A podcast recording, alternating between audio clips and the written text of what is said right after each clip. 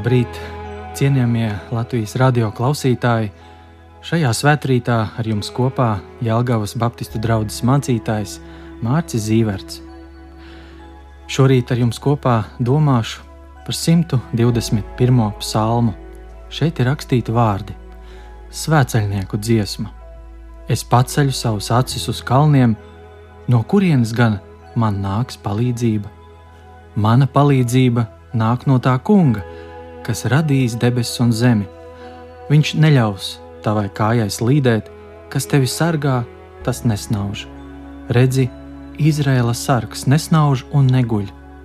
Tas kungs ir tavs sargs, tas kungs ir tava pēna, tev pa labo roku, kad dienā saule tevi nespiež, nedz mēnesis naktī.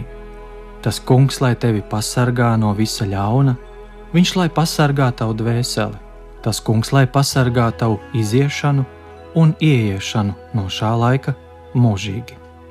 Lūksim!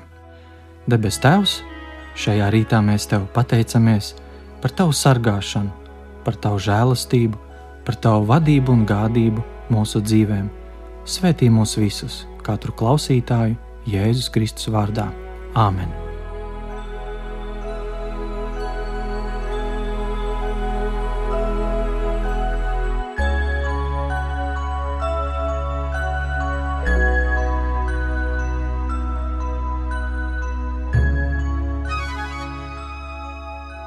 Jums taču ir bijusi dzīvē situācija, kad jūs uzsākat darīt kādu lietu, un darba procesā tā izrādās ļoti grūta un pat reizēm neiespējama pabeigt.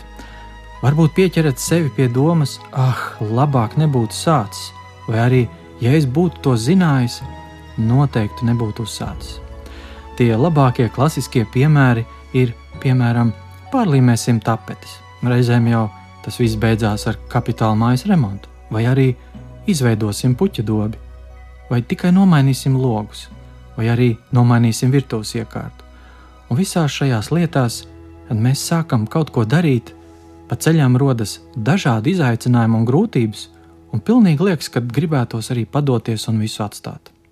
Es zinu kādu pāri, kur iegādājās brīnišķīgu māju un iekopa skaistu pagalmu, rūpējās par zālīti par augšanu, un tad viņš pamana, ka pēc vairākiem mēnešiem ir kāds pleķis skaistajā zālienā, kur zālīt ļoti ātri nokalst, un, un lai arī viņi tur tiek laistīti un mēslot, visu laiku tajā vietā parādās tāds pleķis, un tad jaunais saimnieks bija nolēmis pārliecināties, kāpēc tajā vietā zālīt neaug.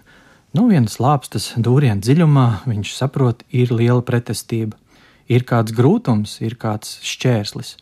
Un tā sākot rakt, viņš saprot, ak, šausmas, labāk nebūtu to sācis. Viņš uzdūrās pamatīgam akmenim, kuru izcelšanai vajadzēja pat vesela smagā tehnika, un kā tādu piemiņu viņš nolika šo milzīgo akmeni savas mājas pagalma malā. Un tas jau bija tikai tāds mazs sīkumiņš, neauga zālīt, bet šķērslis bija pamatīgs un liels un redziet arī cilvēku dzīvēs, kuri ir motivēti meklēt dievu, mēs sastapsimies ar dažādām grūtībām, ar dažādām pretestībām. Un lai mēs tā pa īstam darītu to, ko esam apņēmušies darīt, turpināt meklēt dievu, gaidīt uz viņu, lūgt pēc viņa palīdzības, mums ir jānomaina prioritātes.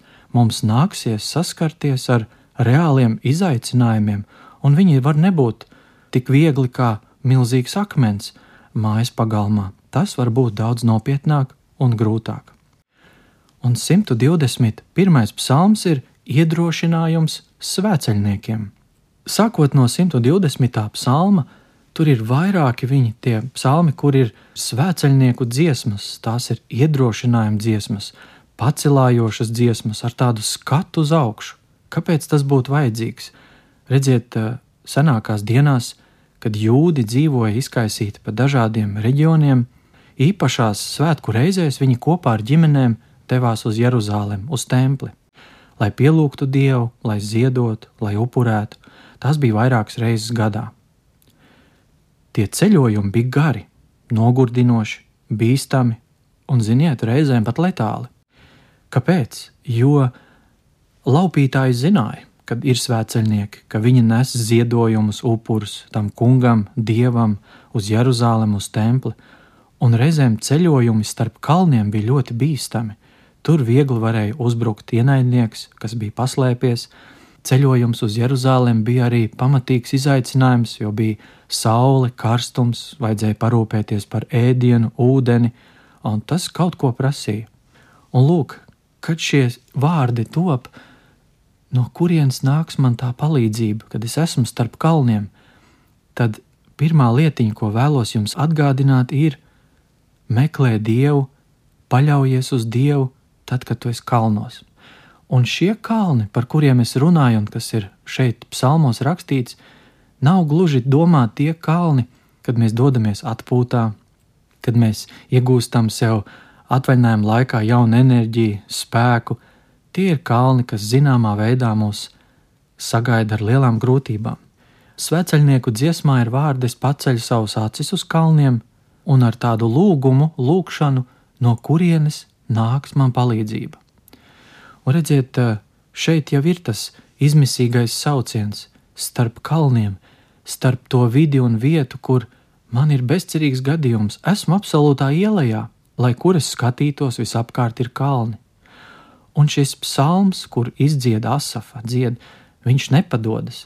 Tajos kalnos atrodoties, svēceļnieki, kas ir kopā, kas dodas uz Jeruzalemi, iespējams, viņi ir briesmās, iespējams, viņi ir dažādos izaicinājumos, viņi lūdz, Kungs, no tevis nāk tā palīdzība, mēs gaidām, mēs lūdzam tevi. 121. psalms atgādina un pamudina tevi neatkāpties, nepadoties, un arī nerisināt pašam visas dzīves grūtības. Tieši pretēji, aktīvi meklē dieva palīdzību, atbalstu un mierinājumu dievā. Un tādas vienkārši trīs lietiņas ir lūdzu, jautā dievam, runājies ar dievu kā ar mīlošu tēvu. Ja tu nezini, ko darīt, nu es teiktu tā, nu nemeklē uzreiz internetā, negooglē, bet atver bībeli un palasi tās vietas, tos stāstus, kā dieva cilvēki arī ir gājuši cauri dažādām grūtībām. Un tad tā otrā lietiņa jau ir lasi. Lasot, tu atradīsi, ka daudzi cilvēki ir piedzīvojuši tukšumu brīžus, grūtumu brīžus, skumjus un zaudējumus. Tu atradīsi to, ka Bībelē ir rakstīts, ka tev ir patiešām iespējams izveidot personisku un ciešu saiti starp tevi un tavu sirdi, starp tevi un Dievu. Nepaliec viens. Un trešā lietiņa ir runā, runā ar citiem kristiešiem, aprunājies ar ticīgiem cilvēkiem. Pilnīgi iespējams, tev ir kāds kolēģis, pilnīgi iespējams, tu ikdienā satiec kādu, kurš patiešām ar Dievu staigā, ir personīgās attiecībās ar Dievu, un viņam ir pilnīgi noteikti bagātāka svētceļojuma pieredze, kur viņi paši ir saskārušies ar kaut kādām līdzīgām grūtībām. Tāpēc esi maza daļa no grupas, no draudzes, esi maza daļa kopā ar kristiešiem, runājies. Kāda mamīte ar savu dēliņu iegāja pilsētas veikalā, un tur veikalnieks vienmēr laipni uzsmaida saviem jaunākajiem klientiem. Viņam ir sagatavots brīnišķīgs trauks ar konfektēm, saucamajām ledenēm. Un tad, kad veikalnieks uh, sagaida jauno klientu ar māmiņu pie savas rokas, viņš mīļi pasniedz lielo konfešu trauku ar ledenēm. Un izskatās, ka mazais ir ļoti nokautrējies. Viņš pat nedomā ņemt sev kādu konfekti. Veikalnieks mīļi uzsmaida un saka, lūdzu, jaunais cilvēks, tas tev, nu, iegrābies, paņem vairākas, ieliec kabatā. Un mazais nemaz nedomā to darīt, un pilnīgs tāds nērts brīdis izveidojās kad veikalnieks pavisam atstāja savu vietu, pieiet tuvāk pie māmiņas, pie mazā klienta jaunā, viņš paņem savu lielo sauju, pamatīgi iegrābjās tajā ledeņa traukā un ieber mammai konfektes somā. Kad mamīte ar savu dēliņu iznāk no veikala ārā, viņa mazliet ir apmulsusi un viņa tā jautā: Kas notika? Kādēļ tu nokautrējies? Kāpēc tu neņēmi? Tu varēji ņemt bez maksas konfektes, tev taču garšo konfektes.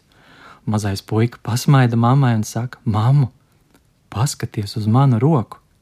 Un tu redzēji, kāda roka bija veikalniekam? Un tu zini, kas notika? es būtu paņēmis tikai dažas konfektes, bet veikalnieks ar savu roku tev somā iebēra pamatīgu daudzumu. Mazais puika ar zināmu aprēķinu to visu darīja, bet šodien, mīļie, mums nav vajadzīgs aprēķināt, cik liels ir varenais dievs. Viņš vienkārši ir tev līdzās un grib tev palīdzēt. Tā otrā lieta, ko vēlos jums atgādināt no šī vārda, ir atceries, ka Dievs visu redz un pārvalda. Otrajā pantā ir teikts: Mana palīdzība nāk no tā kunga, kas radīs debesis un zemi. Vai tava lieta, ar ko tu šodien sastopies, ir kaut kas tik liels, kas ir ārpus šīs zemeslodes vai kosmosa? Vai tava lieta ir no citas dimensijas, kas ir tā grūtība, ar ko tu šobrīd cīnies? Ko tu tagad pārdzīvo? Tev ir pieeja pie svētā dieva. Viņš grib tev palīdzēt. Atceries, tas ir vārds, kas ir ar apsolījumu, ka palīdzība nāk no tā kunga, kas radīs debesis un zemi. Un ja šobrīd viņš kontrolē un lietas notiek visā universā, visumā, un arī šeit virs zemes, tad tava problēma, tava grūtība viņam nav par lielu. Viņš grib un var tev palīdzēt. Trešā lietiņa, ko mēs kopīgi lasījām, ir tāda: uzticies Dieva apsolījumiem mūs vadīt. Un trešajā pantā jau bija vārdi: Viņš neļaus tavai kājai slīdēt. Kas tevi sargā, tas nesnauž. Izraēla dievs, Izraēla sargs nesnauž un neguļ. Tas kungs ir tavs sargs, tas kungs ir tava pēna, tev pa labo roku, kad dienā saule tev nespiež nedz mēnesis naktī. Redziet, viņš tevi vada, Viņš aizsargās tevi, tavu sirdi, tavu dvēseli pasargās. Senajā pasaulē saule arī nozīmēja briesmas, zināmā veidā. Tas bija karstums, slāpes, cilvēku varēja ātri noģībt, zaudējot šķidrumu un mērojot tuvākas un tālākas distances. Tas bija pamatīgs izaicinājums. Tad saulē ļoti, ļoti bija labi iegūt kādu pēnu, un tad ir mēnesis. Mēnesis tās varēja simbolizēt garīgas briesmas, jo cilvēki, kā šodien, tā senajās dienās, uzvedās dīvaini pilnmēnesī. Un mēnesis varēja būt arī kā tāds simbols garīgajām cīņām, garīgiem uzbrukumiem. Tātad dievam nevajag ņemt pusdienas laiku, lai atpūstos, lai tiktu galā ar kaut kādām grūtībām. Viņš ir nepārtraukti nomodā par tevi. Viņš ir par tavu miesu, par tavām cīņām, skaidri nomodā un viņš ir arī par tavām garīgām cīņām, skaidri nomodā. Tātad saule un mēnesis. Ebreju vēstulē, Bībelē, 13. nodaļā, no 5. panta sākot, ir vārdi: Es tevi neatstāšu un tevi nepametīšu. Tā ka mēs droši varam sacīt, tas kungs ir mans palīgs, es nebīšos. Ko cilvēks man darīs? Es zinu, ka ir dažās kultūrās un tautās tādi īpaši notikumi jauniem puišiem, kad viņiem ir jāiztur kāds pārbaudījums, un tad viņi tiek iecelti vīra kārtā. Piemēram, ir kāda situācija, kur kādā tautā, kādā kultūrā ir eh, tā pāreja no zēna par vīru. Tur ir dažādi tie stāsti, bet ir kāds gadījums, kur šī pāreja notiek nakts laikā. Tātad jauneklim ir eh, jāiztur nakts mežā, Un tas nav parasts mežs. Tur ir jācīnās arī par savu dzīvību, lai uguns nenodziest. Patiesībā mežā tajā naktī absolūti nevar iemigt. Nu, lūk, un uh, ir kāds jauneklis, kurš ir cīnījies pamatīgi uh, visu nakti. Viņam ir bijis gan jāiztur dažādas spriedzes momenti, gan dažādi trokšņi un skaņas, un pilnīgi noteikti viņš ir sajūties apdraudēts, un viņš pilnīgi noteikti zina, ka viņš naktī mežā nebija viens tur bija kādas plēsoņas. Otrajā rītā, kad eh, nedaudz dūmi un rīta migla ir izklīdusi, viņš kaut ko pamana, kādu akmens metienu attālumā, un kad viņš pieiet tuvāk, viņš redz savu tēvu ar vairogu un šķērpu, kurš visu nakti ir bijis ļoti tuvu un nomodā par savu dēlu. Un redziet, eh, mūsu Dievs ir kaut kas vairāk, kungs, kurš apsola tevi sargāt. 7. pantā mēs lasām, tas kungs, lai tevi pasargā no visa ļauna, viņš lai pasargā tavu dvēseli, tas kungs, lai pasargā tavu iziešanu un ieiešana no šā laika mūžīgi. Šie vārdi atgādina Dieva uzticamību ar tevi no šī laika līdz brīdim, kad tu šo zemes dzīvi atstāsi. Tā būs Dieva vadīšana, Dieva sargāšana. Dieva sargāšana nebeidzas pie tavas zemes dzīves, pie tavas nāves, pie bērēm, pie šķirsta, pie pelnu urnas. Dieva vadība turpinās arī mūžībā. Tāds ir mūsu kungs. Atklāsmes grāmatā, 21. nodaļā, mēs lasām vārdus, un tur ir teikts, viņš nožāvēs visas asaras no viņu acīm. Nāves vairs nebūs, nec bēdu, nec vaidu, nec sāpju vairs nebūs, jo kas bija, ir pagājis. Tas, kas sēdēja goda krēslā, teica: Redzi, visu es daru jaunu. Tas ir apsolījums mums, tā ir Dieva vadība un mūsu dzīves sargāšana no šīs zemes līdz pat mūžībai. Ar ko tad tu šodien sastopies? Vēlreiz, kas tad ir tavs kalns?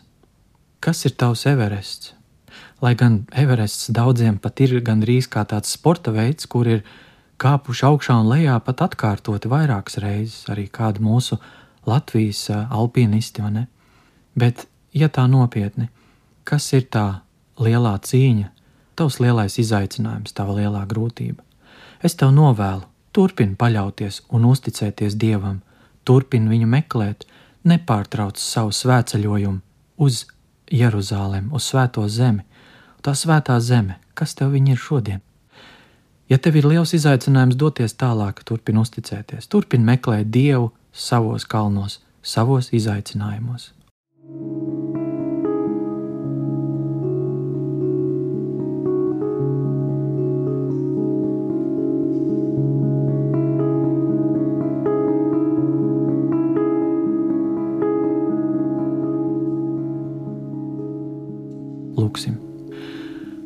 Mīļais Dievs, es tev pateicos, ka šodien tu no jauna mums atgādini, kad uz tevi var vienmēr paļauties visās lietās. Mīļais Dievs, mēs lūdzam tev arī par mūsu zemi, par mūsu valsti, par mūsu cilvēkiem. Kungs, mēs esam līdzjūtīgi arī dažādos notikumos, ko redzam un dzirdam, un esam iesaistīti arī sniedzot palīdzību tuvākajās zemēs, īpaši domājot par Ukrajinu. Mīļais debes Tēvs, es ielieku tavās rokās mūsu sāpes, mūsu pārdzīvojumus, mūsu slimības un lūdzu tev vienu lietu. Kungs nāc, dziedini mūs un piedod mūsu pārkāpumus. Jēzus Kristus vārdā - Āmen!